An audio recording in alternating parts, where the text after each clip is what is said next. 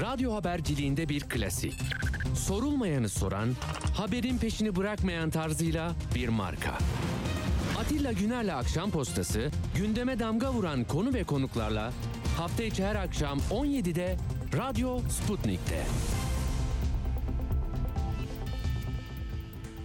Akşam postasından hepinize iyi akşamlar efendim. 25 Ekim Salı akşamı saatler 17.03 birlikteyiz. Dün akşama dönelim çünkü kabine toplantısından sonra Erdoğan hazırlanmış bir metni prompterlardan okuyarak bir e, aslında her akşam e, her pazartesi akşamı bir böyle ulusa sesleniş e, yapıyor. Neler yaptı, neler ediyor yani bir grupta oluyor, bir tören atmalarda oluyor. Bunu TRT'si, bütün kanalları yani ondan kaçamayan kanalları hepsi bunları sık sık veriyor. Yani biliyorsunuz günde 2-3'te törene çıktı şimdi hadiseler bu kadar e, yoğun e, bir e, iktidarın e, icraatları ve propagandasını e, izliyoruz.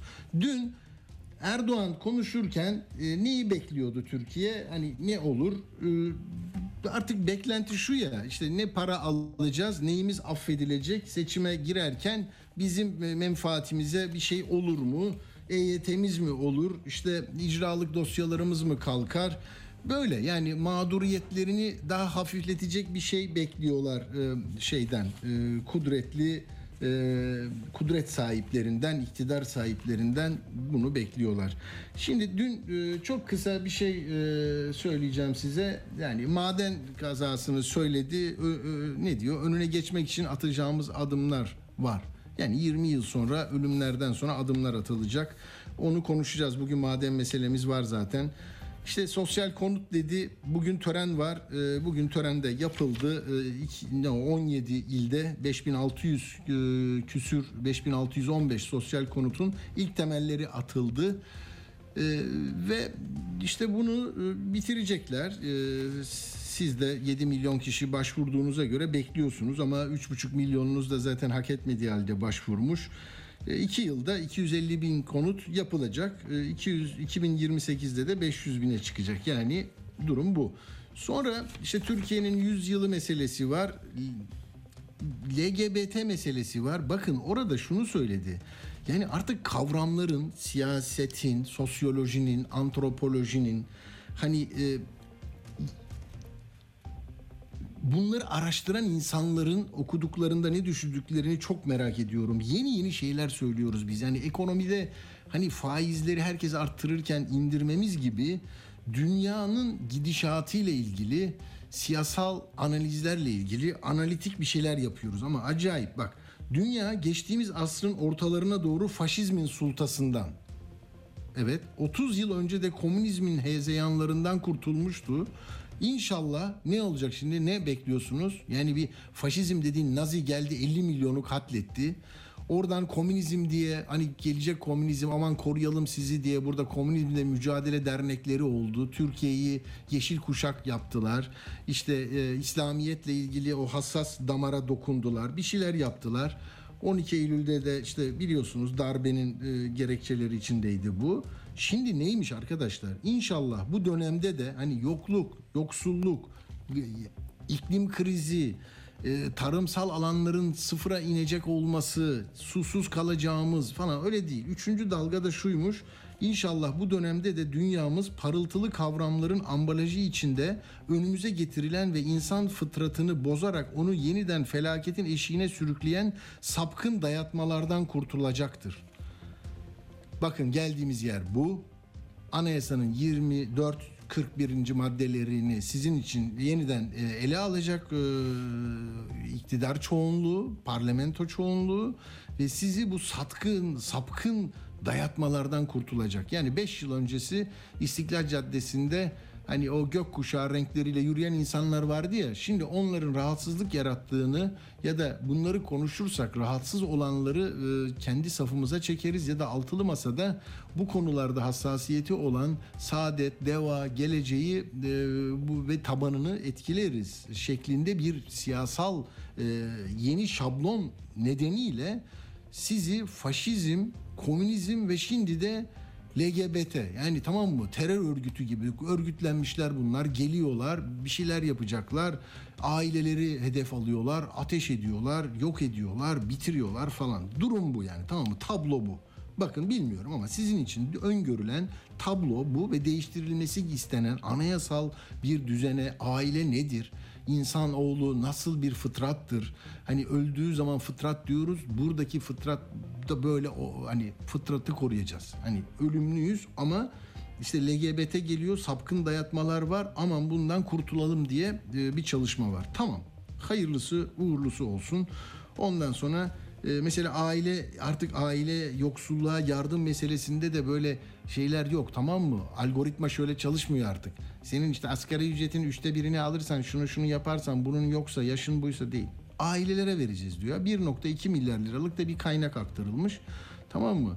e, merkezlere yollanacakmış bu aile destek merkezlerine falan ama artık tavır şeyle değişmiş. Yani bütün aile artık e, koruma altında tamam mı? Yani siz korunacaksınız arkadaşlar. Ailenizle birlikte e, hayırlı uğurlu olsun size. Şimdi burada bir de ya bu 2020 yılında da yine aynı şeymiş. Bak baktırdım ona. Tamam mı? 15 Ekim 2020'nin gazete başlıklarını arkadaşlar versin. Şimdi ben böyle giriş yapmak istedim. 15 Ekim 2020'de Erdoğan yine grup toplantısında konuşuyor. Ve diyor ki çoklu baro gibi çoklu Türk Tabipleri Birliği de yapalım. Bunlar böyle olmaz. Ee, bunların başında Türkiye olamaz. Türk yazamaz. Bunlar işte gayri milliler. Bunlar işte beşinci kol, altıncı kol neyse işte bir şeyler bir şeyler.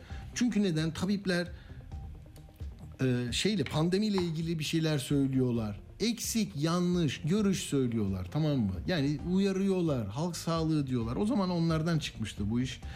E, şimdi yine bu sefer de Şebnem Korur Fincancı'nın zaten daha seçilir seçilmez bütün medya işte terörist geldi, başına terörist geldi diye devletin bir numarası, iki numarası söyledi bunları.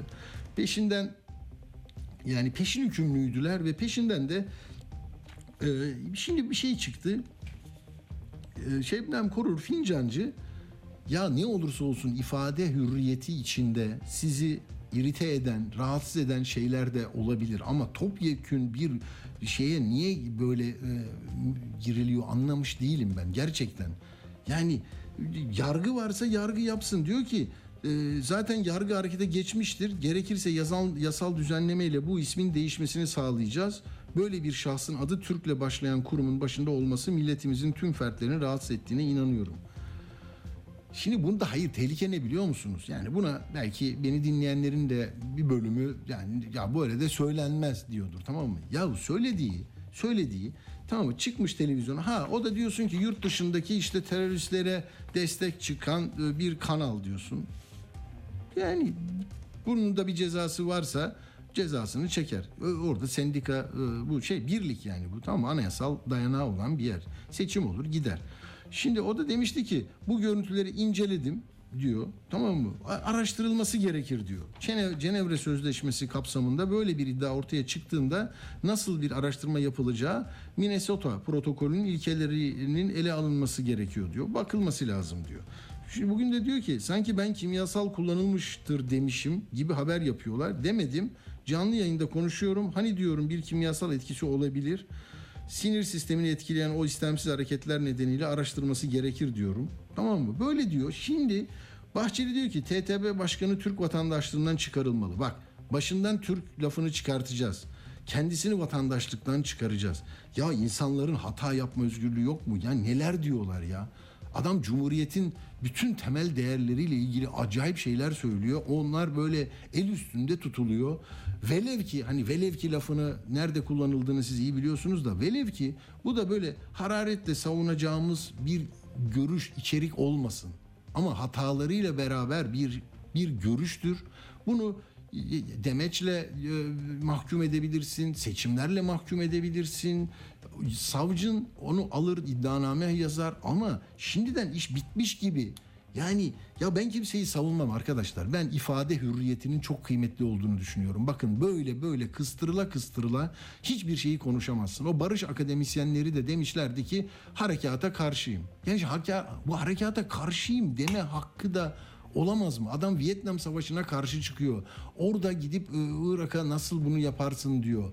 Nasıl iş? Herkes bir şey söylüyor. Falkland Savaşı oluyor. İngiliz bir şey diyor. BBC bir şey diyor. Yani dünyada kardeşim biz sanki dünyadan ayrı bir şey bizim işte kutsalımıza dokundun, TSK'mıza dokundun, bıdı bıdımıza dokundun. Böyle kıyameti koparıp adamı vatandaşlıktan at, dernekten at, derneğinin başını bilmem ne yap. Anayasa Mahkemesi bu ülkede bir karar verdi. Kapatın Anayasa Mahkemesi dedi ya aynı anlayış. Bakın şimdi de ağzınız kapansın diyor sansür yasasıyla. Bunlardan birkaçına böyle aa ne güzel bak iyi yapıyorlar dediğinde hepsi gidecek gümbürtüye. Şunu söyle buradaki hakkımı saklı tutmak kaydıyla bu bu bu başkan ne demiş? Ne demiş yani ne yapmış? Kiminle işbirliği yaparak kimle ne yapmış? Bunu gitsin savcı araştırsın. Bir bir sakin olalım ya. Yahu adam daha bir şarkı sözü dedi yok Adem'le Havva dedi önüne geldiler dilini koparacağım kafanı keseceğim. Oradan bir şey oldu sen mi diyorsun bize hadi bakalım sen de işte şusun busun. Yahu tamam işte ben bir kere daha söyledim böyle resmi gazetede hangi konularda hangi sınırlar içinde ne konuşacağımıza dair genel bir şey yayınlansın ya kararname tamam mı? Ya bu tek tip olabilir mi bir tür ülke ya? Kocaman 85 milyonluk ülke sadece bir meseleyle e, kitlenebilir mi ya? Bütün düşünce e, şeyleri, e, faaliyetleri. Yani ben böyle düşünüyorum tamam mı? Bana da kızarsanız kızın ama dediğim gibi şöyle bak ayrıca bu ismin üzerinde de çalışmalarımızı yürütecek. Gerekirse yasal düzenleme ile bu ismin değiştirmesini sağlayacağız. Terör örgütünün diliyle konuşarak ülkesine ordusuna alçakça iftira eden böyle bir şahsın adı Türk'le başlayan bir kurumun başında olmasının milletimizin bir her bir derdini ferdini rahatsız ettiğine inanıyorum yürüttüğü soruşturma sonuçlarına ve mahkemelerin vereceği kararlara göre hem bu kişiyle hem de kurumla ilgili gereken adımlar atılacaktır. Yani savcı şimdi ne yapsın? E Bunu dedikten sonra savcısı, mahkemesi e, takipsizlik kararı verebilir mi? Yargılarken beraat kararı verebilir mi? Hükmü önce açıklamışsınız sonra bunu yapın derseniz bu nasıl olacak ya? Yani burada sizi bunu bak Anayasa Mahkemesi'ne küçücük bir demokratik hakkı koruduğu için kapatın orayı. Siz ne yapıyorsunuz? Hadi çık dışarıya bisikletle gel de göreyim seni. Niye yürütsünler? Niye şehirler arası yollarda yürüyecek? Ne hakkı ne hukuku diyenle burada hata yapma payını da içine koyarak söylüyorum. Bir hatalı yaklaşımı böyle polisiye ve e, linç ederek bitirme işlemleri yarın böyle alkışladığınız zaman sizin de konuşmaya, yazmaya, çizmeye hiçbir şekilde şeyiniz olmayacak. Vaktiniz de olmayacak, aklınızdan bile geçirmeyeceksiniz. Tamam mı? Heh, Şimdi bak burada da yazıyor işte. Kapatılmalı, Türkçe vatandaşlığından çıkarılmalı. Al bir tanesi de yazmış. Diyor ki canlı yayın şeklinde yargılayın fincancıyı. Bu hanıma bunları sorun. Cevaplarını Türkiye izlesin. Rezil olsun. Bir buçuk yıl hapis ne ki? Bak bak adam hapisi de vermiş bir buçuk yıl diyor. Yasada bakmış maddeye. Ne ki diyor bir buçuk yıl. Cezaevinde bile kalınmıyor. Önemli olan bunları kamuoyu tarafından bilinmesi diyor. Tamam budur. Tamam artık gidiyorsunuz. Gümbürtüye gidiyorsunuz. Ha ben zaten ona karşıyım. Demirtaş'a zaten karşıyım. Kalsın orada. Ha zaten bu da böyle. Ha öyle değil. Bak Tamam mı? Ben şimdi neyse kendimi kontrol altında tutmak istiyorum. Şunu söyleyeceğim ama arkadaşlar acayip bir yayın yapıyoruz. Şimdi Uğur'a dedim ki ya olmaz mı mesela hani bizim bizim askerimiz yapmaz diye bir şey olabilir mi? Dışkıyı kim yedirdi? Diyarbakır cezaevi müze oluyor. O cezaevini kim? Uruguay askerleri mi yönetiyordu? Ve kim yargılandı orada? Toprağın altında e, Hendek'te üçgene gömülenlerin e, failleri kimlerdi? Nerede onlar? Yeşil pasaportla vererek bilmem neler böyle eski yüzbaşıları bilmem neleri alanlar. Ha, devletin içinde bıdı bıdı bir bölüm var. O kadar değil mi? Yahu bunları peki o zaman söyleyince de ne diyorlardı? İşte te- Türk Silahlı Kuvvetleri'ne bilmem ne yapmayın orduya morduya. Ya herkes hata yapar. Böyle bir kutsiyet atfedilebilir mi her şeye ya? Ya bırakın. Bırakın Diyarbakır cezaevindekileri yargılamadınız. Şeyi attı. e, ne o? İşte ç- şeyde neydi, neydi, neydi o bomba bomba attılar 34 kişi vefat etti şeyde Uludere'de Uludere'de değil mi? Roboski diyorlar ya Roboski'de Uludere'de. He? Onu kim yaptı? Onu FETÖ'cüler yaptı. Bunu KETÖ'cüler yaptı. Bu kompası kim kurdu? Bu kadar askeri kim içeri aldı? Yani hep böyle bir savunmalar bir şey. Bırakın ya. Bırakın asıl sorumluları orada 34 kişinin öldüren, cezaevinde öldüren adamlar değil. Burada acaba bu araştırılsa demiş.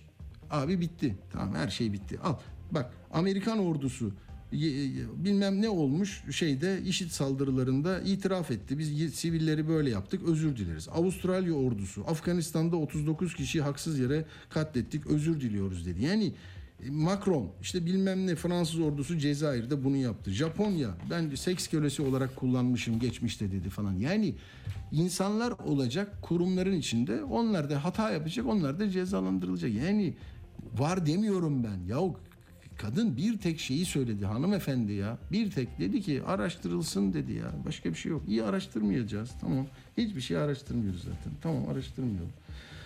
Lafını da etmeyeceğiz. Yani onu mahkum edebilirsiniz. Yani bu lafın araştırılma sonrası da hiçbir şey yok. Bitti budur baktık şudur de geçer gider. Ne olacak ki? Peki şimdi e, ben şunu söyleyeceğim. Bir de e, Mahir e, Ünal'la ilgili bir mesele var. Şimdi bu bağlamayalım. Bağladık mı e, konuğumuzu? Peki ben bir de Mahir Ünal'la ilgili meselede de Bahçeli'nin çıkışı bekleniyordu. Çünkü yani şimdi Türkçülüğün esaslarını yazan e, Ziya Gökalp'ten tut da bütün bu e, Milliyetçi Hareket Partisi'nin e, ana omurgasını oluşturan görüş içinde e, Türk Türkçe e, Türk milletinin e, milli milli bir devlet haline gelmesi Türkiye Cumhuriyeti'nin Osmanlı'dan sonra falan çok önemli dayanak noktaları. Onu e, Mahir Ünal dedi ya siz işte e, şey yaptınız lügatımızı değiştirdiniz alfabemizi dilimizi düşünce setimizi artık düşünemiyoruz bile. Ona bakın Bahçeli kızmış Kılıçdaroğlu da kızmış. Arka arkaya ikisini verelim ikisi bir anlayalım ondan sonra konuğumuza gidelim. Türkiye Cumhuriyeti binlerce yıllık Türk tarihinin ana güzergahından kategorik bir kopuş, kesif bir ayrılış, keskin bir sapış olarak görülemeyecek, asla gösterilemeyecektir. Yani Cumhuriyet şerefli geçmişimizin bir antitezi değildir. Cumhuriyetin Türk kültürüne, Türk diline, düşünme setlerimize zarar verdiğini iddia edenler talihsiz, tarifsiz ve temelsiz yanlışın peşin pencesindedirler. Ön yargılarının hükmüyle, ideolojik katılıklarla Cumhuriyet'in anlaşılması ve anlatılması mümkün değildir. Bugünkü Türkçemizle düşünce oluşturamayacağımızı söylemek gerçekleri çarpıtmaktır. Nesnel gelişmelere aykırıdır. Dilimizi karalamaktır. Nihayetinde özgüven eksikliğidir. Tarih bilmiyorlar. Hurafelerle tarih öğrenilmez arkadaşlar. Gerçeklerle öğrenilir. Halkın ne konuştuğunu dahi bilmiyorlar. Ya sen hiç Karacaoğlan'ı dinlemedin mi kardeşim? Tertemiz bir Türkçesi var ya 17. yüzyılda, 18. yüzyılda. Ya bu insanlar tertemiz bir Türkçeyle ne yazdılarsa, ne söyledilerse bugün hepimiz biliyoruz ya. Kazak Abdal'dan tut, Yunus Emre ilim ilim bilmektir diyor. İlim kendin bilmektir diyor. Sen kendini bilmezsen hanice okumaktır diyor. Daha ne desin Yunus? Sen Yunus'u bile bilmiyorsun. Bugün parantez açalım. Bahçeli buna sözde çok kızmış. Ne olacak? Koşa koşa gidecek yine kucaklayacak. Ben bilmiyor muyum? Bunu kime söylüyorum? Gerçekten milliyetçi arkadaşlarıma söylüyorum. Bu anlayış ne anlayışıdır biliyor musunuz? Bu anlayış Sadat kafasının anlayışıdır. Türkiye Cumhuriyeti'ni kaldıracağız. Afrika diye yeni bir devlet kuracağız. Afrika devletinin başkenti İstanbul olacak. Dili de Arapça olacak. Aynı kafa. Aynı kafa. İtiraz mı ettiler? Etmediler. Ama ne olur benim tabanım, milliyetçi tabanım öbür tarafa kaymasın diye arada bir işaret bir şey atayım. Sonra gideceğiz nasılsa arka kapıda yeniden kucaklaşacağız. Evet böyle yani Mahir Ünal'ın e, Cumhuriyet'in e, ilk yıllarında yapılan o e, dil devrimini ki bunların bir, büyük bir kısmı da hani devrim yasalarını koruma babında sıralanmış şeyler ama bir e, bir mesele olduğu belli. Yani ne- netleştirmiş onu e, ve düşünce setimiz bile e, yok edildi diyebiliyor. Kültür devrimini dedim diyor sonradan. E, varın siz düşünün artık. E, ne- nedir e, asıl e, yani hesaplaşılan e, sorun alanı olarak tarif edilen yer bugün itibariyle yüzde 85 enflasyonunuz değil, ülkenin içinde bulunduğu böyle bir dağınık hal değil, gençlerin yurt dışına e, koşar adım kaçması değil, buymuş. Yani bu olsaymış biz başka bir e, yani eski Türkçe ile konuşabilseydik, görüşlerimizi açıklayabilseydik daha müreffeh bir toplum olabilirmişiz. Sonucu çıkıyor. Budur. Peki şimdi e, ne yapalım? E, konuğumuz var. İlk kez beraber olacağız. Kemal Büyük Yüksel, siyaset bilimci. E, merhaba, hoş geldiniz Kemal Bey. Merhabalar, merhabalar. Şimdi biz böyle e, denk geldi. Sizin e, konukluğunuz tam bu sırada oluştu. Bir Mahir Ünal'ın sözleri var. Ona da tepkiler var. Sizin de böyle yazılarınıza baktım. Hani gerçeklikten kopmuş Türkiye demişsiniz. Siyasal yozlaşma, demokrasi, biraz da böyle Amerikalı e, siyaset bilimcileri de referans gösteriyorsunuz. Ne oluyor hakikaten? E, yani demokrasi tarifi içinde bir arayış var mı? Ne, ne- ne- neyi konuşuyoruz biz bugün itibariyle? Bu son örnekten başlayarak belki. Yani şimdi son örnekten başlayarak şunu söylemek çok mümkün. Bugünkü iktidar e, sadece yani Türkiye'ye çok e, özgü şekilde hareket etmiyor. Diğer ülkelerdeki e, böyle şey sayabileceğimiz otoriter sağ popülist hatta uç sağ popülist sayabileceğimiz diğer e, hareketlere benzer şekilde e, aslında belli söylemlere sahipler. Bunlardan bir tanesi bugün gördüğümüz e, söylem. E, o da şu. Bizim elimizden bir şey alındı. Bizim elimizden bir şey alındı. Biz geride bırakıldık. Biz e, Mesela hilafet de o zaman hilafet de mesela alındı yani hilafeti de getirile, getirebilir miyiz yani bu, bu düzeyde mi acaba? Valla ne düzeyde olduğu zaten e, belirsiz. Çünkü bu tarz e, siyasiler genel olarak muğlak bırakmayı severler. Kitlelerini şey yapmak için. Kitlelerini hareketlendirmek için.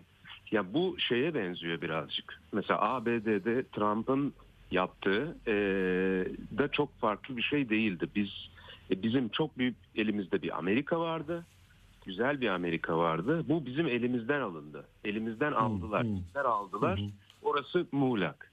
Neler vardı o zaman? O da tam muğlak. E, yani tam belirli değil. E, Doğru mesela mandacı diyorlar, beşinci kol diyorlar. Kim onlar değil mi? Hani bir şey var, bir karartı var, öcü var ama ne olduğu tarif edilmiyor. Evet yani bir, burada da bir şey oluşuyor zaten. Yani o e, benzer söylem şu her zaman. Bizim geri almamız lazım ülkemiz. Hı. Bizim geri almamız lazım. Bizi geride bırakan, bizi e, alıkoyan, bizim e, hayatta işte yaşamda hem bireysel olarak olabilir hem toplumsal olarak olabilir.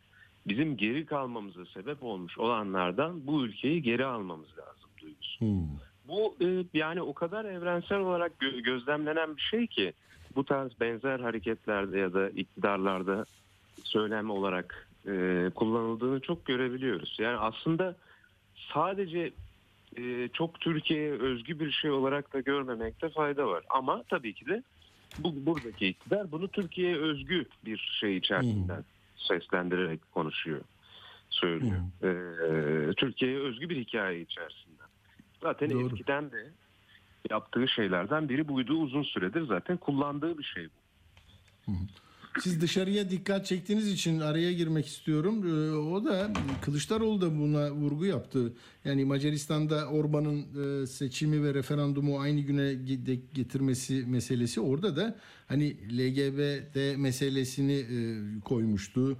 İşte e, sorduğu sorulardan ne, ne diye baktım da tekrar ben işte reşit olmayanlar için cinsiyet değiştirme tedavilerinin tanıtımını destekliyor musunuz? Yok şu vesaire. Yani oradaki o duyarlılığı ve e, dini e, hassasiyeti değil mi? Bir siyaseten e, sandığa e, şey yapmak, tahvil etmek. Belki Türkiye'de de şimdi diyorlar ya türban meselesini anayasa düzenlemesi yapalım. 41. maddeye koyalım. Sonra da referandum e, zorunlu olacak. Aynı gün yaparız gibi bir şey var. Bu bu ne peki? Yani o e, dindar ve muhafazakar kesimlerin e, e, şeyi mi? Yani beklentilerini mi e, önceliyorlar? Yo beklentileriyle alakası yok. Yani şöyle bir tarafı var. Bu bir e, şey taktiği yani seçim taktiği. E, kitleleri belli fay hatlarını tetikleyerek e, şey canlandırmak ve aslında bu fay hatlarını canlı tutarak da şey yapmak. E, kitleleri en azından kendi kitlesini konsolide bir şekilde seçime gidebilme arzusu var burada. Burada da e, fay hattını öyle bir yerden canlandırma arzusu tabii ki de e, iktidarım var ki e, hani muhalefetin cevap veremeyeceği bir şekilde bunu yapmaya çalışır her zaman. Yani şimdi e, LGBT bireyler üzerinden bir fay hattı tetiklendiği anda e, şunu umuyor diye düşünüyorum iktidar. E, muhalefetin e, bu konuda LGBT bireyleri böyle açıktan rahatça savunamayacağı e, aslında temel hak ve hürriyetler kapsamında herkesin hakkını savunması gerekirken gene de siyasal sebeplerden işte belki de kazanmaya çalıştığı muhafazakar kitle için e, kötü gözükeceğini düşündüğü için açıktan böyle savunamayacağını umarak e, oradaki fay hattını e, şey yapıp Hı. Harekete geçirip ondan sonra da onun üzerinden muhalefeti sıkıştırmak köşeye Hı hı. ve e, en azından e, tabii ki de bütün Türkiye'yi değil iktidar her zaman sadece kazanacak formülü sahip olacak kadar kişiye ihtiyacı var. E, ve orada da özellikle daha böyle e, geleneksel değerlere e, katı geleneksel değerlere de katı muhafazakar değerlere sahip insanları kendi yanında tutarak seçime böyle gitmek. Ee, bunlar için kullandığı bir taktik. Yani ve zaten hani dediğiniz gibi bu sadece Türkiye'de değil dünyanın her yerinde artık çok benzer bir taktik olarak karşımıza çıkıyor. Özellikle LGBT hakları Rusya'da, Macaristan'da, Polonya'da en kolay kullanılan şeylerden birine dönüştü. Malzemelerden birine dönüştü. Doğru. Şimdi mesela bugün Nagihan Alçı da e, ki yani muhalefetle e, mesafeli olduğunu e, bilir Türkiye. Şöyle diyor 41. maddeye eklenmek istenenle ben muhafazakarım, aileye, geleneksel değerlere sahip çıkıyorum demek için LGBT bireyler araçsallaştırılıyor ve muhalefet sıkıştırılmak isteniyor. Sonra diyor ki peki burada ne olacak? Gelecek, deva, saadet ne diyecek bunlara? Ben doğru şeyleri alamadım cevapları diyor. Ama şu lafı enteresan bu kadar temel bir insan hakkı üzerinden bir itiraz geliştiremeyen bu altı parti demokratikleşme ve özgürlükle ilgili mevcut sorulara hangi itirazı geliştirecek? Yani enteresan bir yerden e, yaklaşmış geldi bana. Yani değil mi? Mesela orada altılı masanın e, çözülmesi ve birbiriyle dayanışmasının e, bir sınırını çizmiş oluyor iktidar bir anlamda belki de. Tabii ki de öyle. Yani böyle en hassas noktaları bularak oradan deşmeye, e, çelişkileri derinleştirmeye çalışacaktır. Yani e, LGBT hakları konusu e, maalesef ki içeriği bakımından Türkiye'de e, halen e, çok tabu olduğu için e, ve hani ve sadece Türkiye'de böyle değil birçok yerde böyle e, çok iyi bir şey malzeme bunun için E, ve ne yapıyorlar? E, bu konuda kolayca sesini çıkaramayacak ve hatta belki de bu konuda partisinin içerisinde iktidarla benzer bir çizgide olabilecek partileri orada şey yapmaya çalışıyorlar. İyice zor duruma düşürmeye çalışıyorlar. Dediğiniz gibi saadet olabilir. Diğer Yani ben Milli Gazete'de de bugün onu gördüm. Diyor ki gazete manşet yapmış ki Saadet Partisi'nin e, çok yakınında duran e, bir nevi yani partinin e, görüşlerini anlatan, yayan bir yayın organı. Anayasa 24 değişecek. Milli Gazete'nin uyarıları sonuç verdi. Başörtüsü anayasal garanti altına alınıyor. Şimdi bir sevinç var. Ee, yani bu nasıl olacak? Referanduma gelince değil mi? Ee, Yani haydi gidelim evet verelim Ee, hem evet oraya hem de iktidara diye bir kampanya olursa e, kafalar karışacak gibi. Neyse bu bunlar e, anlaşıldı bence. Sizin onun dışında Türkiye'nin genel gidişatı, seçim atmosferi, muhalefet dinamikleri orayı nasıl topluca böyle dışarıdan birisi sorsa Türkiye nasıl gidiyor, nasıl oluyor dese e, ne diyorsunuz bir e, yurt dışındaki bir akademisyen dostunuza? ya şöyle e, açıkçası zaten Türkiye'nin mevcut hali e, çok pek e, iyi olmadığını herhalde az buçuk dünyadan Türkiye'yi takip eden herkes artık görebiliyordur. Ekonomik anlamda e, diğer e, demokrasi anlamında, e, demokratik e, değerler anlamında da kurumsal olarak işleyiş anlamında. Ha, nasıl gidiyor diye sorarsam yani kişisel olarak e, tabii yani Evet. herkes şu an seçime kenetlenmiş durumda. E, Mayıs ya da Haziran'da olacak bir seçime.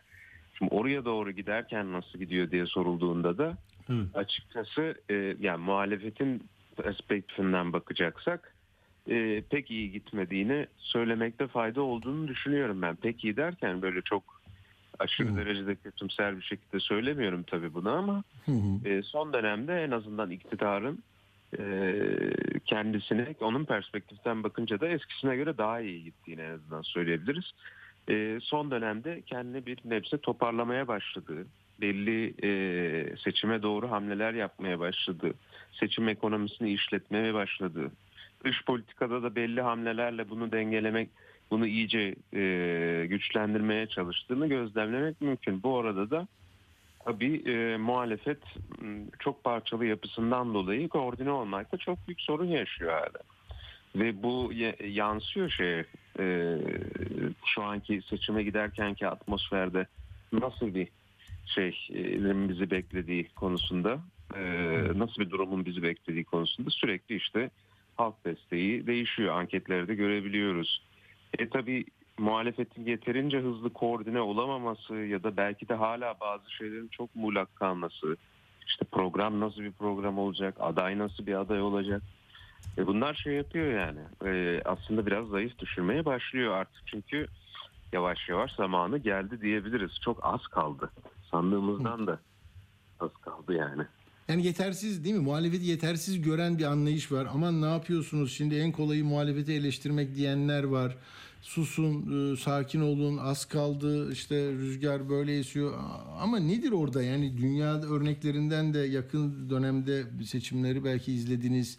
E, orada hmm, sizin eksik ya da e, yeterince kuvvetli bulmadığınız bir şey var mı? Altılı masa bütün muhalefet cephesi bence altılı masa değil bir e, Cumhur İttifakı var ve onun dışındaki e, bileşenler. Evet yani e, kesinlikle şöyle ya koordine birlikte hareket edememe durumu çok büyük bir sorun zaten. Yani koordine ol- olmaları gerekir. Koordine değiller yeterince. Ve bunun dışında ortak bir söylem geliştirmeleri gerekir.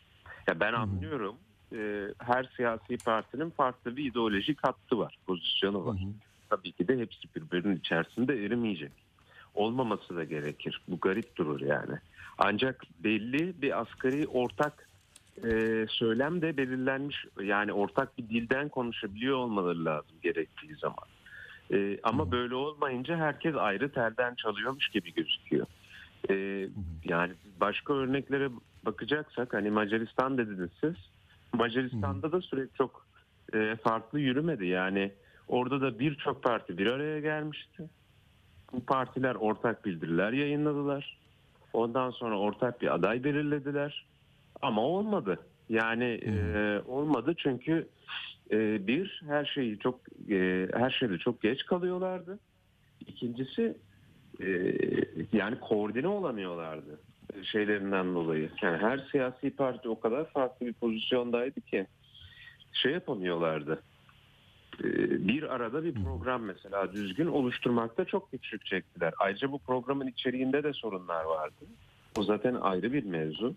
Çünkü e, fazlaca şey bir programdı. Yani çok siyasi olarak hani böyle merkezde kalan bir program kurgulamaya çalışırken ülkedeki yoksul ve güvencesiz kesimlere karşı ne yapacaklarını pek bir şey söyleyemediler. O arada da iktidardaki Orban e, yoksul ve güvencesiz kesimlere para fırlatmaya devam etti seçim boyunca mesela. Burada Türkiye'de mesela vurgu ne olmalı? Yani Türkiye'de ekonomik meseleler mi, özgürlükler, hak, hukuk, adalet mi, ifade hürriyeti mi, ne, ne- nedir? Ee, yani siyasetin kullanacağı a, muhalefetin iktidar seçeneği olması için e, neyin üzerinde daha çok durması gerekir diye düşünüyorsunuz? Yani tabii ki de tek bir hat yok ama şeyi söylemek çok mümkün yani. Ekonominin e, çok belirleyici bir faktör olduğunu söylemek çok mümkün. Tek faktör değil ama tabii ki.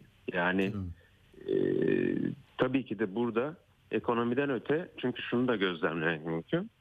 e, bu kadar kötü bir haldeyken Türkiye e, yani hala iktidarı olan destek yüksek kalabiliyor nispeten. Evet, evet. Bu her şeyin ekonomi hakkında olmadığını da anlatıyor tabii ki. Ama yani günün sonunda muhalefet zaten şey yapamaz. Ee, hani Türkiye'nin yüzde yüzünün oyunu alarak iktidara gelemeyecek. Gelirse hani aşağı yukarı maksimum ve bu yani çok büyük başarı olur zaten. Ee, 50 ile 60 arası bir oranda gelecek yani Hı hı. seçimde toplam. Yani bunun en büyük en iyi başarılı hali yüzde 60 gibi bir oranla olur seçimde. Ee, ama e, burada yani birinci en önemli şeylerden birinin ekonomi olduğunu söylemekle birlikte dediğim gibi tabii ki de e, temel hak ve hürriyetler üzerine düşmenin e, bunlar hakkında konuşmanın e, ondan sonra kurumsal yeniden bir restorasyon sağlanınca bu, bunların hepsinin yan yana yürümesi gerekiyor. Ama tabii ki de ekonomi konusunda özellikle ve e, gördüğüm kadarıyla göçmen krizi konusunda e, çok elle tutulur bir şey söylemek gerekiyor insanlara ve burada özellikle yoksul ve güvencesiz kesimleri atlayan, es geçen ve fazlaca böyle e, ekonomi konusunda da hani kurumlara odaklayan, odaklanan işte Merkez Bankası'nın bağımsızlığı gibi bunlar üzerinden yürüyen söylemler bir yere ulaşamıyor. Yani çok fazla eşitsizlik var Türkiye'de. Yoksulluk hı. çok artmış durumda, derin yoksulluk. Ve asıl hedeflenmesi gereken, asıl programın kesinlikle bu yoksulluk ve güvencesizliğe ciddi bir cevap verebilebiliyor olması gerekiyor. Bakın Doğru. mesela Macaristan'da e, muhalefetin yapamadığı şey buydu. E, muhalefet e, bir ekonomi programı sundu. Ancak bu ekonomi programı az çok hani böyle şey bir programdı. Hani merkezde olan e, daha e, hani kurumlarla alakalı şeylere odaklanan hı, Okey, hani- hı hı. AB ile uyumlu olabilecek ama bunlar hani yoksul kesim için bir şey ifade etmiyor. Yani e, kendi başına bir şey ifade etmiyor. Bunun, bunun çok kritik olduğunu düşünüyorum bu süreçte. Doğru. Zaten iktidar da e, son bir iki dakikamız var ama iktidarın da son atakları özellikle dün kabineden sonra Erdoğan'ın yani biz e, yardım ederken artık e, o yoksul parametrelerini değiştirdik. Ailelere yardım edeceğiz ve onlara ulaşacağız diyor. Neredeyse 30 milyona yakın yani 7, 7 milyon haneden söz ediliyor. Bakan çıkıyor 1 milyon aile yardım alıyordu. Şimdi 4.3 diyor. Ee, yani bu şu demek e, biz buradaysak size de yardım edeceğiz. Yani biz kötü bir ekonomik sonuç yarattık ama yardım da yine bizde o tarafa gitmeyin gibi e, anlaşılabilir. Hani evi olmayana da ev vereceğiz. Bizde kalın gitmeyin. Bak onlar zaten öyle şeyler de yapamaz gibi bir tablo oldu. Peki son e, sözlerinizi alayım Kemal Bey. Yeni bir konuğum daha olacak benim. Kemal Büyük Yüksel'le konuşuyoruz. Siyaset bilimci. Evet. Yani benim son söyleyebileceğim özellikle e, son süreçte artık gerçekten muhalefetin e, neleri yanlış yaptığını, neleri eksik yaptığını yani bir oturup düşünüp e, toparlanmasında çok büyük fayda var. Yani ve bunu inkar etmemesinde çok e, çok önemli olduğunu düşünüyorum. Yani kulaklarını kapatmadan. Çünkü çok az vakit kaldı. Çok çok az vakit kaldı. Ve e, iyi gidiyordu geçen yıl. Ancak son birkaç ayda yeniden tökezlemeye başladı. Ve burada e, uyarıları dinleyerek e, bir sürü kişinin yaptığı uyarıya dürüstçe bir öz eleştiri yaparak e, 7 ay kalan yani çok az kalan bir seçim 7 çok kısa bir süre e, için bir belki de bazı şeyleri değiştirerek, revize ederek e, hızlıca yoluna devam etmesi gerektiğini düşünüyorum. Bu uyarıları ciddiye alması gerektiğini düşünüyorum. Peki. Çok teşekkür ediyoruz bize katıldığınız için, zaman ayırdığınız için. Kemal Bey çok sağ olun. Büyük Yüksel siyaset bilimci. Teşekkür ediyorum. Çok sağ olun, çok sağ olun. Evet, şimdi hızlıca yeni bir konuğa gideceğiz. O arada size ben bir iki notumu da söyleyeyim. Akşener bugün e, şeydeydi, İsmail'in programındaydı Halk TV'de. Şu lafı ilginç geldi bana. Diyor ki Kemal Bey'in e, bu helalleşme yolculuğuna çok büyük saygım var. Ama e, diyor ki ben de başka şeyleri hatırlatmak durumundayım. Bu ülkede Rize Belediye Başkanı açılım sürecinde boş yere açılım yapmayın. Bizler her seferinde bir Kürt kadını alalım, ikinci eş olarak bu meseleyi çözelim dedi. O günlerde ben bu ben bu gök kubbeyi yıkmaya çalıştım tek kişi olarak. AKP Samsun İl Başkan Yardımcısı başı açık kadın perdesiz eve benzer ya kiralıktır ya satılık dedi. Buna da e, çok kızdım. Atatürk'ün annesine hakaret edildi. Bunlarla kim bunlarla ilgili kim helalleşecek bu ülkede? Ben de bunları hatırlatıyorum diyor. Başörtüsü çözülmüş bir konuydu diyor. Yani bunun referanduma kadar gidecek bir hal alması hakikaten bir hatanın e, iz düşümü mü olacak, sonucu mu olacak, önlenemeyen neticesi mi olacak onu hep birlikte göreceğiz. Ee, Akşener bunu söyledi. Zaten insanların da e, sorduğu bir soru var. Yani katılım artacak mı İyi Parti'ye diye. Ona da esprili bir şekilde e, bakacağız gari dedi. E, neden olmasın dedi. E, olacağına dair işaretleri var. Ee, böyle yani siyasetçi konuşuyor ve e, insanlar da seçime az bir süre kala e, az önceki konuğumuzun siyaset bilimci Kemal Bey'in söylediği gibi daha elle tutulur somut e, öneriler e, projeler e, duymayı e, beklediğini anlıyoruz. Şimdi işte tam böyle bir meseleyi e, Doktor Oğuz Demir ekonomist e, zaman zaman konumuz olur çok da severiz. E, Oğuz Bey yazmış yani KKM'ye bütçe var gelir vergisi dilimine yok. Çünkü gelir vergisi diliminde hakikaten çok adaletsiz bir hal var. Onu çok e, böyle gözüne soka soka e, siyasetin yazmış. Onu konuşacağız. Oğuz Bey merhaba hoş geldiniz hocam. Merhaba, iyi yayınlar Atilla Bey. Çok teşekkürler. Evet bu e, gerçekten e, bir tabloda yapmışsınız. Onu gördüm. E, bir- biraz bunu mesela şimdi ücretliler biliyordur tabii de. Yani ücretli olmayanlar da anlasın. Bir, bir adaletsiz bir tablo var orada. Buna mesela 200 milyar lazım canım. O da nasıl yapacağız dedi ya Nebati.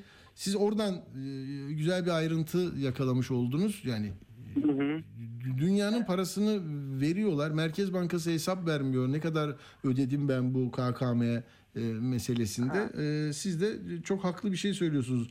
E, bu mümkün değil mi? Yapılabilir bir şey yani.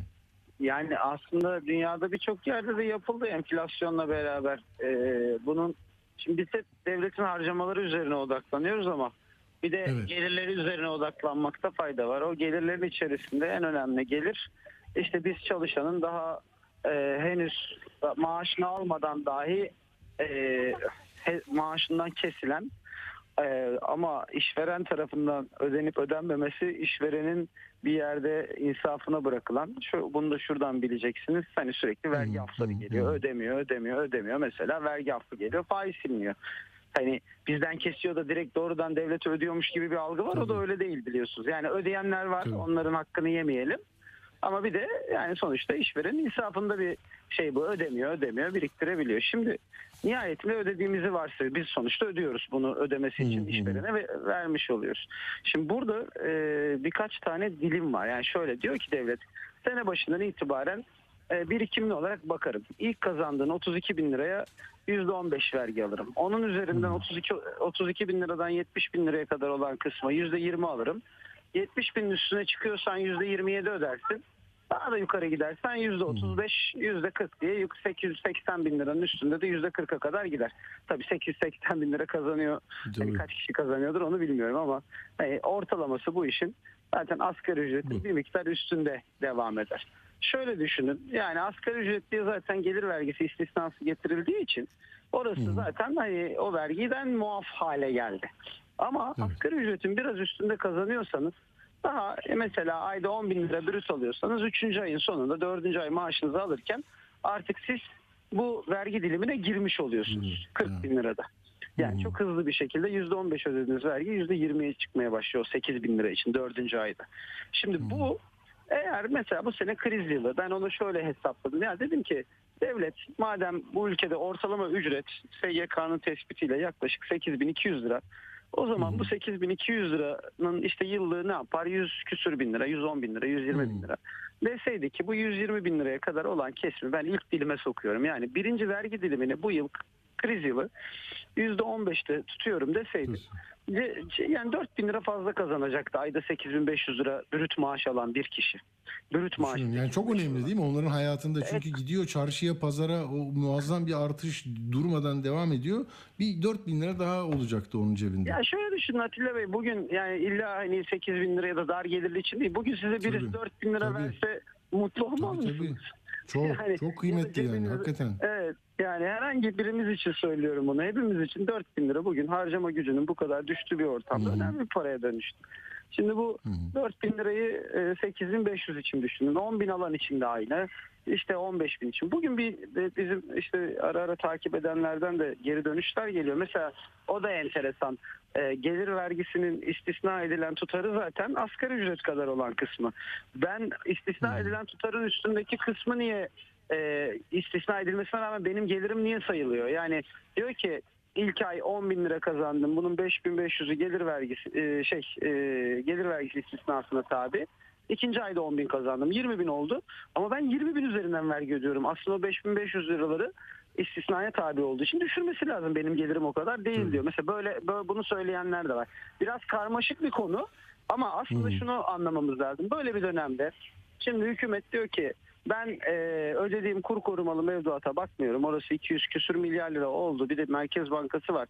Sene sonunu 300'de bitireceğimizi tahmin ediyoruz. Hani ben oraya orası benim için kıymetli. Ben onu öderim diyor. Ama öte taraftan ya bu bu parayı alma zaten hesabına girmedi. Sana bir maliyeti hani sadece harcayacağım para biraz düşecek. Bu sene kriz yılı bir miktar e, çalışana da göz kırp dediğiniz zaman olmaz o iş e, gündemde bile değil diyor. Bir tarafta 31 milyon çalışan var. Bir tarafta 2 milyon 800 bin kur korumalı mevduat mudisi var. Yani bu yani bu bu her zaman böyle oldu. Bu bir tercih. Peki bu seçim atmosferinde Oğuz Bey değişme ihtimali olur mu? Hani Ocak'ta bir Aralık'ta düzenleme sırasında böyle bir şey denilse Her sene- aslında Yo, her seçmen sene- için. her- Hı. her sene güncelleniyor zaten bu tutar biliyorsunuz. Yani yeniden değerleme oranı kapsamında. Hı hı hı. Geçen sene %36 idi. Direkt düzenleme gerektiriyordu. Yapmadılar yani yetki kullanmaları gerek. Şimdi bu senede %100 civarında bir rakam var. %130 civarında. Hani bunu %130 olarak uygularlarsa 32 bin lira olacak. Zaten 60 bin liraya yakın bir para. Yani şöyle kabaca hesaplarım 64. Yani 80 bin liraya yakın ilk dilim olacak. Ama çok enteresan bir şekilde bakın şöyle yapacaklar benim tahminim. Biliyorsunuz bu yeniden değerleme oranı sadece gelir vergisi dilimleri için değil. Aynı zamanda Tabii, motorlu taşıt harçlar. vergisi, cezalar, harçlar bunlar için de kullanılıyor. Ha, yani bunu şimdi diyecekler ki bize bakın biz işte motorlu taşıt vergisi, harçları, cezaları %136 yapmıyoruz. %100, %75 uyguluyoruz deyip burada yine hani bizim bir cebimize koyduklarını söyledikleri o artışı öbür cebimizden alabilirler. Yani e, burada çok daha e, dikkatli olup o baskıyı en azından hem e, vatandaşın hem işte muhalefet partilerinin yapması lazım. Yani yüzde 136 değil. Cumhurbaşkanı bunu yüzde 25 kadar daha arttırma yetkisi var. Bu şekilde arttırarak en azından önümüzdeki sene seçim yılı e, insanların cebine bir miktar daha para girmesini sağlamalarını tercih ederim. Ben herkesin düşündüğünün aksine şöyle düşünüyorum Atilla Bey. Hani seçim ekonomisi yapacaklar, seçim ekonomisi yapacaklar. Vatandaşa para da ya bir sefer de vatandaş için ekonomi yapmış olsunlar. Yani hani, hani bu zamana kadar yaptıklarından ne hayır gördük. En azından 5 senelik bütçenin bir senesi de bize çalışmış olsun.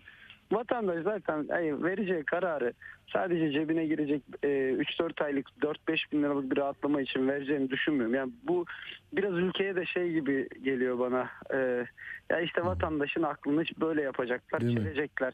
Ya böyle bir Türkiye yok. Yani böyle sanmıyorum ben.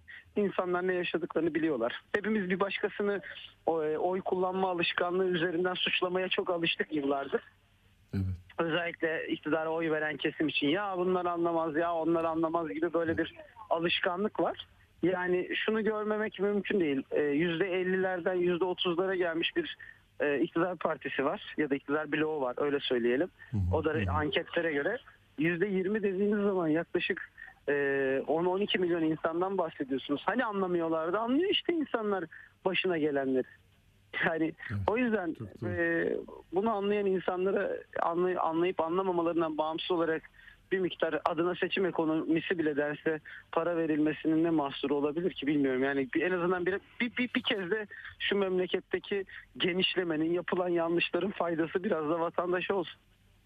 Çok doğru, çok doğru. Hep müteahhitlere gidecek değil. Ne Peki yani? e, Oğuz Bey çok e, çok teşekkür ediyorum. Uğur'un mesajını geç gördüm. Sizi de tutmak istemiyorum çok fazla. Ben teşekkür Yoğunsunuz. Çok Ee, teşekkür ederim.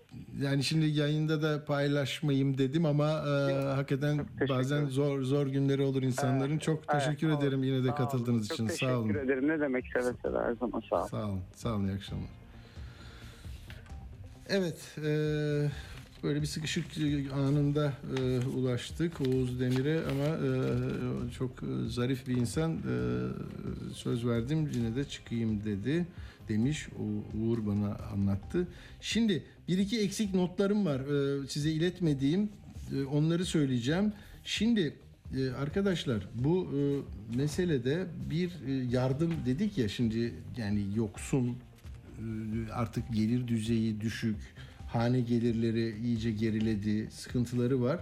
Bir dün anlatmıştım size hani üç çocuğun varsa devlet sana ev verecek. Yani eşini kaybetmişsin, hanımefendinin üç çocuk yapabilmiş, e, tamam mı? O ona bir ev yapacak devlet baba. Ben Uğur'a demiştim ki ya böyle nasıl oluyor yani üç yani dört çocuk olsa ne olur? Hani bir çocuğunu kaybedince ne olacak? Peki sonra bir hastalık geçirmiş, ikiden sonra çocuk yapamamış. Ne ne ne olacak? Yani bu bu çizgiyi üç çocuk sahipliği üzerinden e, nasıl ayarlıyorlar? Ne demek bu? E, hakikaten Habertürk'te gördük bugün. Çok insanda da görmedik. Kübra Par diyor ki ya üç çocuk şartının bir sosyal yardım kampanyasına kriter olarak konulması kaygı verici buldum diyor. Ne yani üç çocuk doğuramayan kadınlar yeterince kadın değil midir? Kaldı ki her fırsatta dindar olduğunu vurgulayan bir siyasi anlayış çocuk sahibi olmanın sadece kişinin kendi arzusu değil aynı zamanda Allah'ın takdiri olduğunu kabul etmiyor mu? Üç değil de iki çocuğu olan ve hiç çocuğu olmayan kadınlar da ihtiyaç sahibi olamaz mı?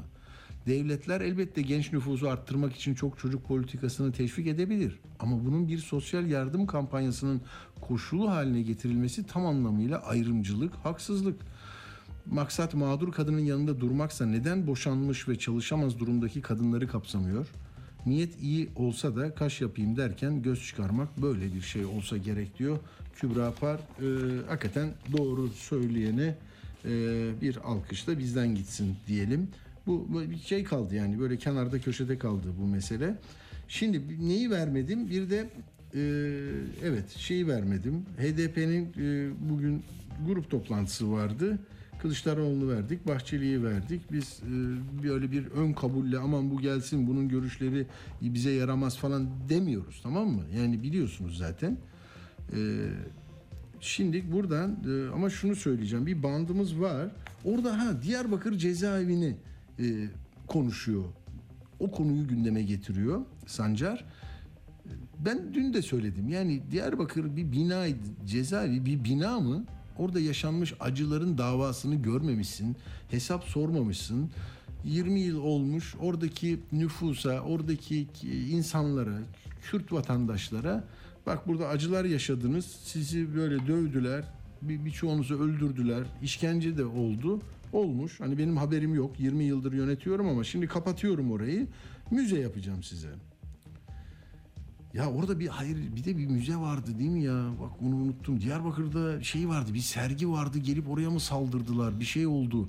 Faili meçhullere uğrayanların sergisini yapmıştı. Ünlü yurt dışında yaşayan bir sanatçımız. Uğur onu bulur şimdi bana söyler. Gelip orayı dağıtmışlar mıydı? Kızmışlar mıydı? Kaldır bunu yapamazsın burada falan diye. Yani şimdi öyle ona işlem yapmayanlar şimdi burada bunu yapıyor. Dur bakalım hadi bakalım ne diyor Mithat Sancar ne diyor HDP Genel Başkanı? Diyarbakır cezaevini boşaltmakla övünüyorlar. Ama o cezaevinin inşa edilmesinin o cezaevinde yaşananların mantığını bu iktidar aynen sürdürüyor değerli arkadaşlar. Bu cezaevini kapatmakla geçmişte yüzleşmiş olmuyorsunuz. Sadece göz boyamaya çalışıyorsunuz. O dönemde Beşnoğlu cezaevinin, Diyarbakır cezaevinin o insanlık dışı uygulamalarından, vahşetinden, işkencelerinden en fazla nasibini alan arkadaşlarımızdan biri sevgili Gültan Kışanak'tı. Direndi. O zalimlere, vicdansızlara boyun eğmedi Diyarbakır cezaevi. Şimdi nerede? Gülten Kışanak sizin yeni beş nolu cezaevlerinizde. Diyarbakır beş nolu cezaevini kapatıyorsunuz ama onun yerine ülkenin her tarafını Diyarbakır cezaevine çevirdiniz. Aynı direniş ruhu o zaman 12 Eylül zihniyetine karşı nasıl ortaya konduysa tavizsiz şimdi de sizin o darbeci zihniyeti devralan uygulamalarınıza ve politikalarınıza karşı da sürüyor, sürecek. Evet Sancar bir önemli meseleye daha değindi. Ee, PKK'nın 5-10 çocuğu var söylemleriyle ilgili. O da diyor ki e, bu tesadüf değil bir zihniyetin devamı bu. Bunun temelinde ırkçılık yatıyor. Nüfus nüfus mühendisliği ifadesi çok kibar kaçıyor. Kürt halkına yönelik bu politikaların tarihi eskidir. Bu ülkede başka halklara da aynı yöntemler uygulandı, acılar yaşatıldı. Ee, Diyarbakır'da kendisine oy verenler dahil herkes biliyor. Ne diyeceğini bilemez halde konuşmalar yapıyorlar diyor. Bir de Cumhurbaşkanı adayımızı belirleme mekanizmamız açık ve şeffaf bir tarzda çalışmaya başlamıştır. Bu alkış aldı. Yani bu ne demek? Altılı masa sen benle göründün, görünmedin. Yok işte birisi diyor ki masanın altında diyenler var. Karşı taraf diyor ki masanın altında HDP var. Halbuki HDP bırak masanın altını yani kapının önünden geçemiyor. Kimse onlarla görünmek istemiyor. O da diyor ki e, Cumhurbaşkanı adayımızı belirleme mekanizmamız açık, şeffaf tarzda çalışmalarına başladı. Kim hangi tartışma yürütürse yürütsün biz önümüze bakacağız. Yolumuzda yürüyeceğiz. Bu tıkanmış sistem her alanda ülkeyi nefessiz bırakıyor. Yani siz bizi ciddiye almıyorsanız e, biz de kendi adayımızı kendimiz e, belirleyecek bir iradeye sahibiz. Bununla ilgili de çalışma yapıyoruz diyor. Bu da altılı masaya onu herhalde e, bir e, taahhütlü mektup olarak göndermiş olmalı ki bakalım o mektubun e, muhatapları bunu okuyacak mı, ne yapacak onu hep birlikte göreceğiz efendim.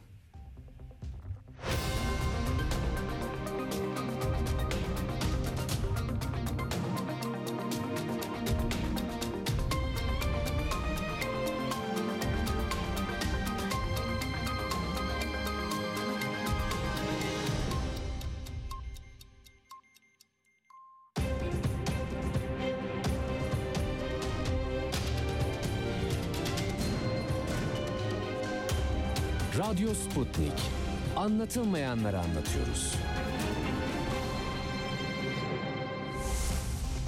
Radyo haberciliğinde bir klasik.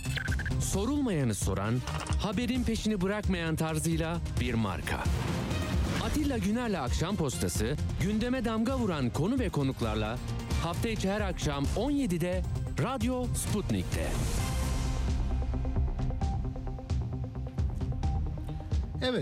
Hatırlattı hemen Uğur yazmış. Ahmet Güneştekin'indi. Eserlerine ilham kaynağı olmuştu o faili meçhul cinayetler.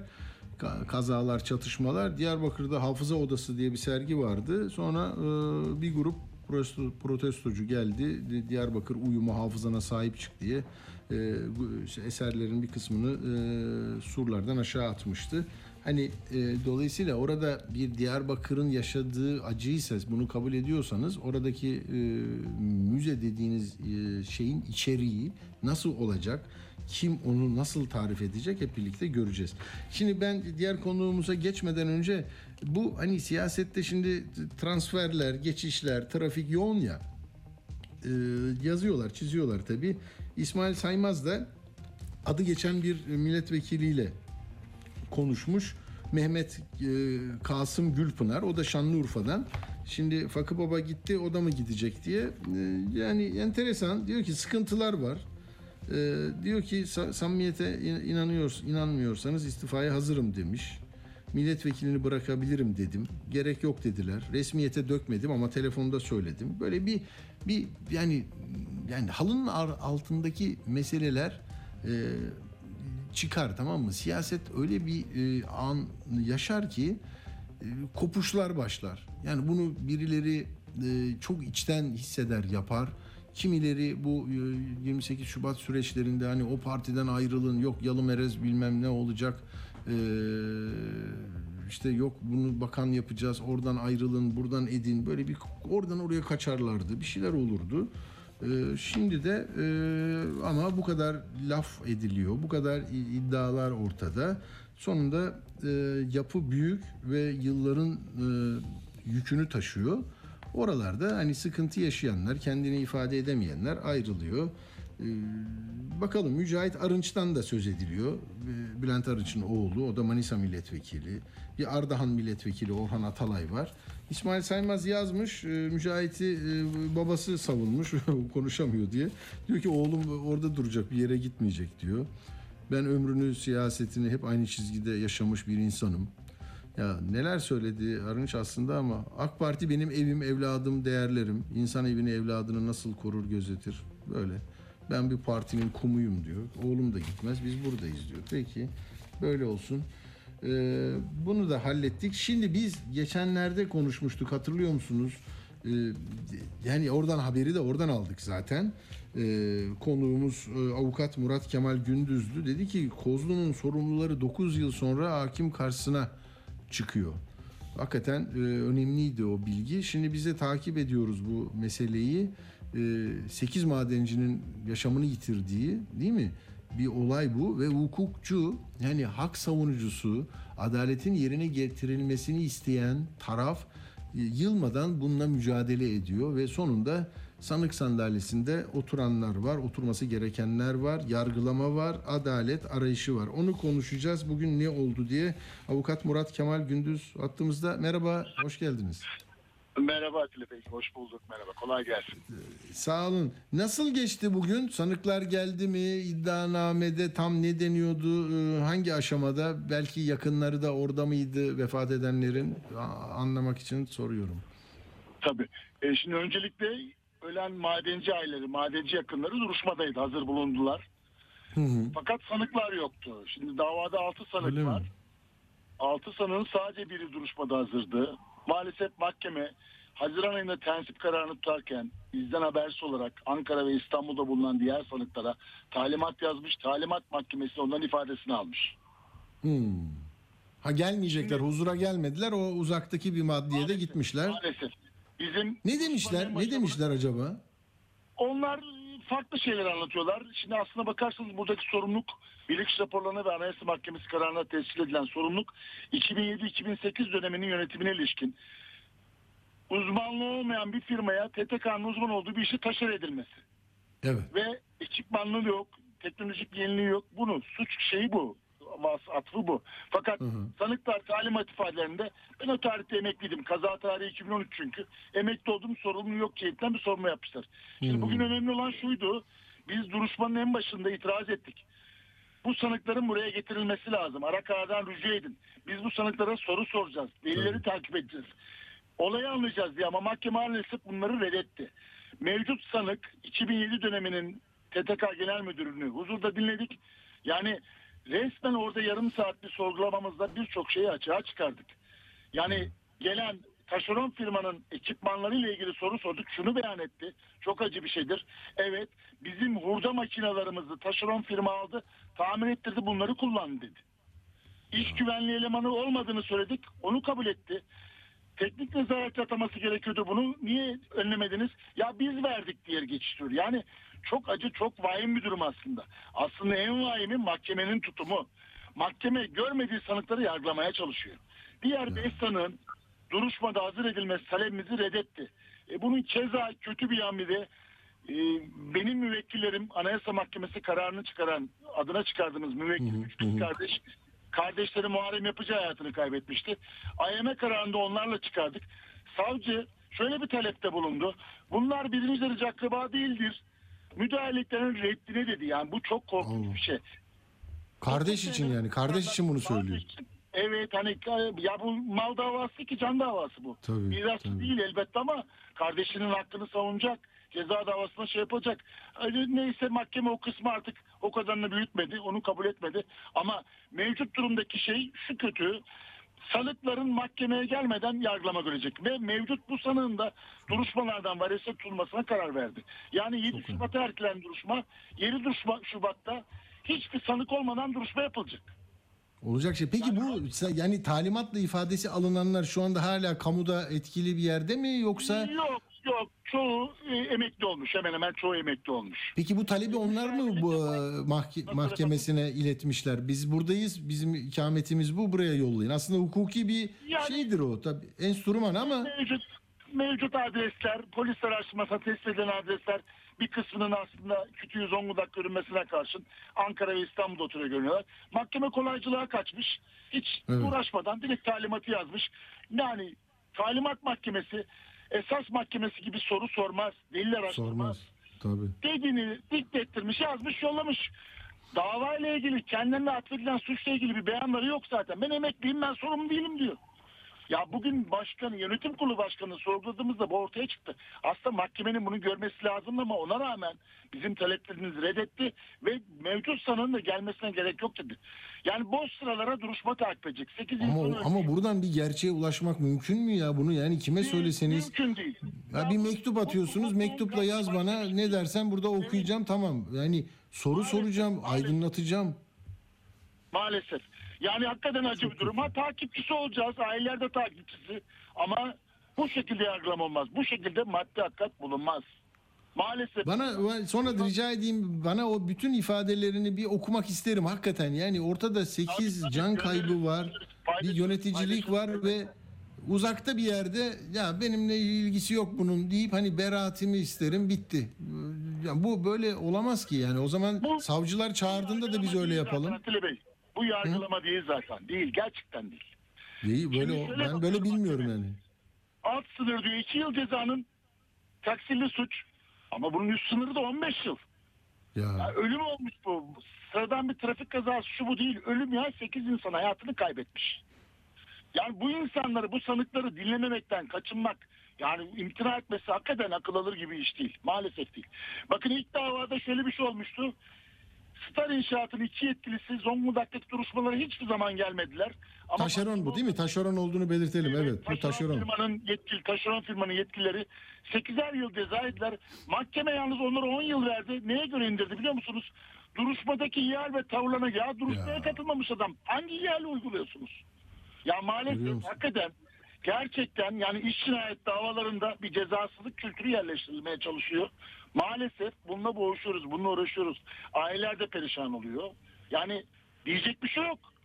Ama dediğim gibi 7 Şubat 2023 ertelen duruşma sanıklar olmadan duruşma yapılacak. Yani mahkeme Çok- hakikaten nasıl bulacak? Sanığa soru sormaya tenezzül etmiyor. Bugün girdik. Yani savcı iddia makamıdır. Savcı bir satır soru sormadı sana. Soruları biz soruyoruz. Yani gerçeği bulmaksa amaç bunu Evet, evet. iddia makamında yapması lazım. Ama o savcının beyanı şu. Bu iki kız kardeş ikinci derece akraba. Bunlar davayı takip edemezsin diyor. Yani E o zaman yani TTK'dan birisi gelse o da öyle söyleyecek onu. Yani sanki şey gibi yani oranın vekili gibi konuşulur mu ya? Orada ölen insanların doğru haklarını değil, savunacaksın. hukuka uygun değil. Ceza usul kanununa uygun değil. Usulü uygun değil. Maalesef yani bu tür yargılamayla bir şeye varılamaz. Çok acı. E sonra Anayasa Mahkemesi, ahimler onlarla yine siz e, Evet, böyle maalesef. hukuk değil mi? Adaletin peşinde koşacaksınız. Bunu Maalesef istiyorlar. Ama aileler kararlı. Bakın yani şöyle bir şey. Bizim ilk davada sorumlu tutulan Kazım Eroğlu biliyorsunuz STK Genel Müdür oldu. Ya ödüllendirildi. Or- Ya onu abi çok önemli. Onu- çok önemli. Hakikaten onu soracaktım bakın. Amasya'da, Amasya'da gene kusur atfı oluyor bu insanlara yani. TTK'ya gene kusur veriliyor. Ya bu çok ağır bir durum. Hakikaten çok ağır bir durum. Yani olacak iş değil ya. Burada kusurlu buluyorsunuz.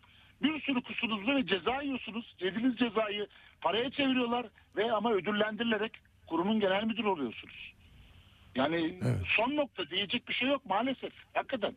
Ama takip edeceğiz. Yapacağımız bir şey yok. Aileler de takipçisi, biz de takipçisiyiz. Anladım.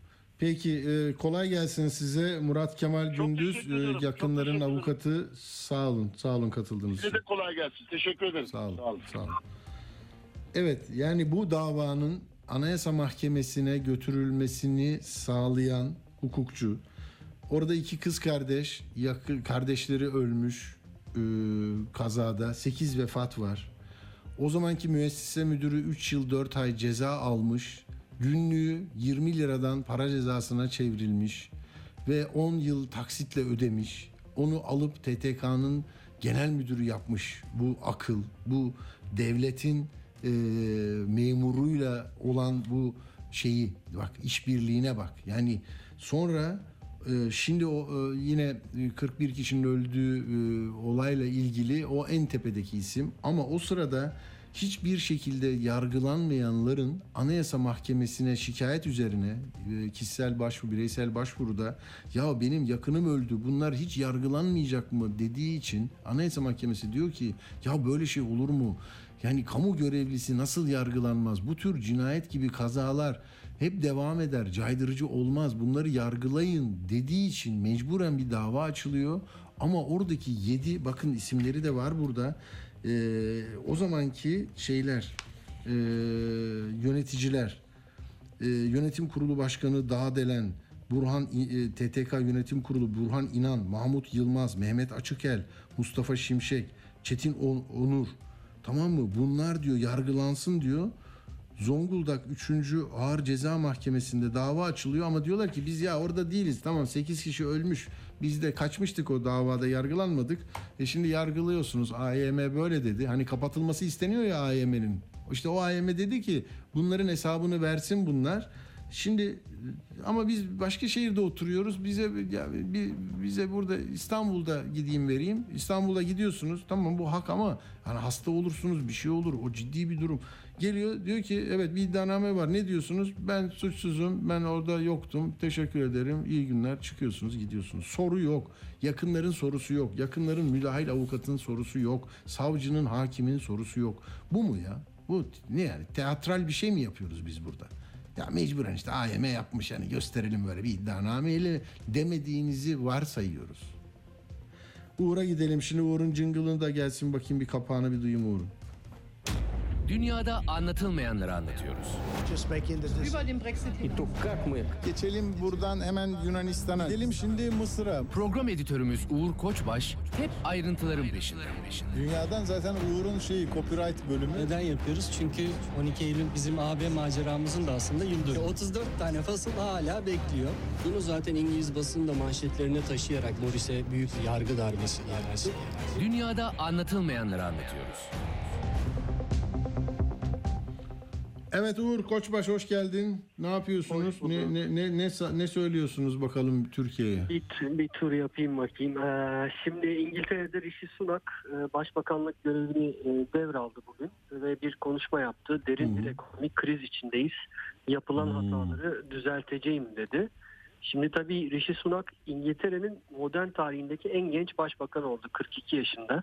Şimdi bu 42'yi görünce benim biraz tüylerim ürperdi çünkü ben 42 yaşındayım burada haber anlatıyorum telefondan. Adam İngiltere'nin başbakanı olmuş diye böyle bir sarsıldım yani aslında.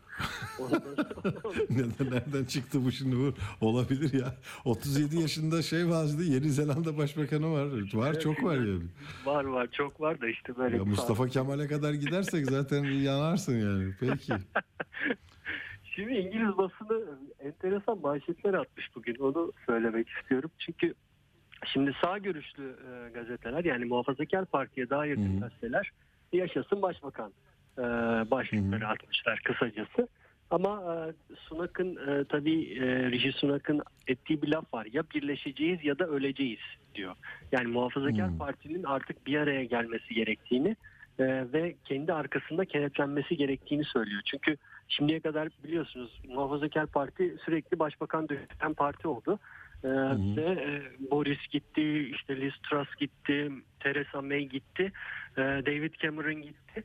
Ve sonuç olarak e, Rishi Sunak artık yalnızca tek şansımız var. iki değil diyerek yani benden sonra başkası gelmeyecek benim arkamda kenetlenin e, diyor. Ama sol basında e, ya bu adam bir oy bile almadan başbakan oldu diye. Tabii. Mesela Independent'ın manşeti bu. Sunak bir oy bile almadan başbakan oldu manşetini atıyor. Çünkü yani seçim kazanmamayı bir yana bırakın muhafazakar partinin kongresi bile yapılmadı. Çünkü tek aday var. Tamam sen başkan oldun dediler ve e, yetki verdiler. Adam da bir anda başbakanlık koltuğuna oturdu. E, ve Independent diyor ki bizim 400 bine yakın gazete okurumuz erken seçim istiyor diyor. Daily Mirror gazetesi yine soldan bir, sol yelpazeden bir e, gazete. Sana kim oy verdi? Manşetiyle çıktı. Kim hakikaten kimse yok. yani ki Yine bir Abi muhafazakar sıradaki parti- gelsin dediler. Ne yapsın? Adam da sıradaydı zaten. Evet, Bekliyordu. evet. Ne var? Ya, ya? öyle oluyor. Yani İşçi Partisi'nin itirazı da or- orada zaten. Yine bir muhafazakar partili tek bir oy bile almadan iktidara geliyor. Kraldan daha zengin ve sıradan insanlar hakkında hiçbir bilgisi olmayan tek gözü ekonomik kesintiler peşinde e, demiş. Daily Star gazetesi tabii bu marul meselesini yapan gazete bu. Onlar da Sunak'ın fotoğrafını Ekim ayı yaprağının üzerine basmış. Ekim sonunu görebilecek mi diye sormuş. O da yeni bir şeyde oyunda bulunuyor. Ee, bakalım görebilecek mi gerçekten. Ee, Maliye Bakanı Nebati Financial Times gazetesine konuştu. Ee, orada e, aslında bazı şeylere cevap veriyor. Ne- net hata noksan meselesine mesela hep konuşuyoruz ama bu konuda hiç resmi bir açıklama yapılmıyor. Ee, Financial Times demiş ki Nebati'ye 2022'nin ilk 8 ayında 28 milyar dolarlık bir net hata noksan var. Ee, 40 milyar dolarlık bütçe açığının %70'ini siz bununla karşıladınız ama bu paranın kaynağı belli değil. Nedir bu paranın kaynağı demiş Nebati'ye. Nebati de diyor ki net hata noksanda turizm gelirleri önemlidir diyor. Birçok Rus vatandaş ekonomik yaptırımlar nedeniyle uluslararası ödeme yöntemlerini kullanamadığı için nakit para harcıyorlar diyor. Aynı yani Türkiye'de nakit para harcıyorlar diyor. Yani bu turizm gelirleri ve Rus vatandaşların burada harcadıkları paralar olduğunu söylüyor. Ve aynı zamanda da Rusya'nın Akkuyu nükleer santrali için para transferi yaptığını da ilk kez resmen kabul etmiş oluyor. Onu söyleniyordu. evet. söylemiş. Hı. Evet. Yani böylece öğrenmiş olduk ama Financial Times röportajından öğrenmiş olduk. Türkiye'de soru sorulamadığı için. Ha, burası işte haber burada ya. Burada haberi söyledin Evet, şimdi. kesinlikle Tamam. burada. Ee, bir de tabii şey soruyorlar. Bu da Türkiye'de sorulmayan bir soru. Yani Avrupa Rusya'ya bir sürü yaptırımlar uyguluyor. Türkiye'nin bu yaptırımları deldiği iddia ediliyor. Ne diyorsunuz diyor. Nebati diyor ki Türkiye'nin içinde ve dışındaki muhalif unsurların Rusya ile mali ilişkiler konusunda kasıtlı olarak soru işaretleri ortaya attığını görüyoruz diyor. Bizim ekonomik bağlarımız yasaldır. Türkiye uluslararası finans sistemi içerisinde çok dikkatli hareket eden bir ülke. Uluslararası finans sisteminde ihlallere neden olacak şekilde davranan bir ülke değil. Bu konuda çok açığız diyor. Ee, ve e, Rusya'dan satın alınan doğalgaza indirim yapılmasına e, çalıştıklarını söylüyor. Bir de Gazprom'dan ödemelere erteleme seçeneği talep ettiklerini de ilk defa burada ifade etmiş oluyor. Ee, ve ödemeler dengesi sorunu yaşamayacağız diyor. Yani doğalgazda indirim istediğimiz Rusya'dan ve e, ödemelerin ertelenmesini talep ettiğimizde bu röportajla doğrulanmış oldu. Ama zaten bak Türkiye- Almanya'daki bak Almanya'daki küçük esnafın sıkıntısı, Japonya'daki Tabii, tabii. e, emeklinin sıkıntısı. Biz dünya e, ölçeğinde gazetecilik yapıyoruz tamam mı? Ve orada baktılar ki durum böyleyse o zaman bir İngiliz gazetesine konuşalım. Bu kadar dünyayla dışarıyla ilgileniyoruz. Dolayısıyla e, yani etler et fiyatı arttı, yok enerji fiyatı arttı. Almanlar Evet. perişan vaziyette diye haber yapmıyor mu sabah TRT hepsi? İşte o da oraya konuşuyor. Evet. Peki Uğur başka? İran'daki gösterilerin idamla yargılanacağı açıklandı. Şimdi biliyorsunuz 16 Eylül'de protestolar başladı. Şimdi duruldu. Ee, çok büyük protestolar oldu gerçekten de. Onlarca kişi hayatını kaybetti. Ee, Binlercesi gözaltına alındı. İnsanların işte polisler öldü, göstericiler öldü vesaire. Şimdi e, 300'den fazla kişinin e, savcı açıklıyor bunu. Yargılanacağı açıklandı. E, Allah'a karşı savaşmak, savaşmakla suçlanacaklar. E, dört tanesi bunların. Bunlar hakkında ölüm cezası talep edilebilecek. Diğerleri de toplumu ve halkı terörize etmek için silah kullanmak ve İran İslam Cumhuriyeti'nin kutsal sistemine saldırı amacıyla güvenlik görevlilerini yaralamak, kamu mülkünü ateşe vermek ve tahrip etmek suçlarından yargılanacaklarmış. Ee, toplamda 315 kişiden bahsediyoruz. Yani İran bu protestoyu da güç kullanarak ve e, bu idam e, şeyini göstererek cezası şeyini göstererek e, bastırmış oldu diyebiliriz. Ya Son orada ben bugün e, Instagram'da paylaştım da çok etkilendim. Hani meraklısı beni takip etse de etmese de bulur. Ee, Ekrem Açıkel de paylaşmış. Ee, yani bu e, Şervin e, Hacıpur diye e, bir genç e, şarkıcının yaptığı şarkı e, dilden dile dolaşıyor. Mahsa için yapmıştı bunu. İşte Berlin'deki şeyi izledim. Ee, 70-80 bin kişi katılmış. Ağlayarak dinliyorlar. Ama öyle böyle değil. Ee, yani bunu bak alt fondan vereyim size.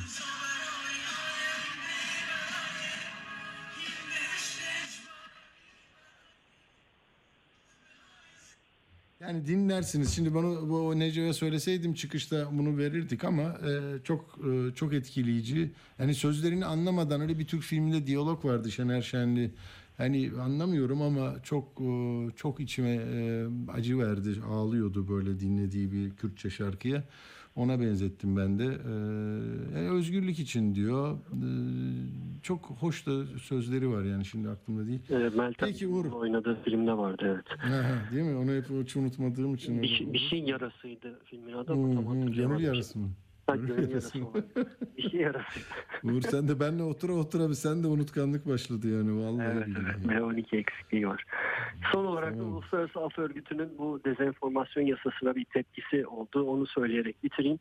2023'te yapılması planlanan milletvekili ve cumhurbaşkanlığı seçimleri bağlamında bu mevzuat kamusal istişare alanını açıkça daraltacak yeni bir tehdit oluşturmaktadır. Yürürlükten kaldırılsın diye çağrı yaptı. Anladım. Peki çağrıya e, bakalım ne yanıt verecekler. Teşekkürler Uğur Koçbaş. İyi akşamlar olsun. Sağ olasın. Sağ ol. Evet burada bitiyor. Bir tane haber gördüm şimdi gözüme ilişti de e, hani tok olayı var ya tok çıkacak ya şimdi banttan. Bak konut töreni bugün oldu tamam mı? Cuma günü e, Türkiye Yüzyılı vizyon belgesi açıklanacak. Cumartesi günü 29 Ekim ondan sonra TOG banttan inecek. TOG'la şey e, Türk Hava Yolları e, anlaşma imzalamış. Yerli ve milli otomobil TOG e, TH ile mil işbirliği yapmış. Neymiş? E, yani siz bundan sonra bu arabayı nasıl kullanacaksınız? Satın alırken mi olacak? Benzin alırken mi bilmiyorum. E, mil kazanacaksınız, uçacaksınız. Tamam mı? Yani TOG'u alın. Sonra da mil kazanın. E, Mills and Mills miydi o? Neydi? Miles and Miles. Tamam. Miles and Miles var. Miles and Miles'mış işte. Böyle yani e, işte hep sizin için şeyler, güzel günler geliyor. E, keyfini çıkarın. Ben de Uğur'a, Arda'ya, Necdet'e ve Halil'e çok teşekkür ediyorum. Bizimle olduğunuz için çok e, sağ olun. E, programların bantları da dediğim gibi e, hep söylüyorum bunu ama bir e, bakıyorum sonra artıyor. Oradan da görüyorlar. Dinleyemeyenler oraya giriyorlar. Görüntülü izliyorlar. E, hem e, Odise'de var hem de nerede var? Telegram'da var. Bir de tekrarımız 22.30'da onu da söyledik. Yeni saat ayarları böyle. Hadi bakalım iyi akşamlar. Hepinize sevgiler. Atilla Güner'le Akşam Postası sona erdi. Radyo haberciliğinde bir klasik. Sorulmayanı soran, haberin peşini bırakmayan tarzıyla bir marka. Atilla Güner'le Akşam Postası, gündeme damga vuran konu ve konuklarla hafta içi her akşam 17'de Radyo Sputnik'te.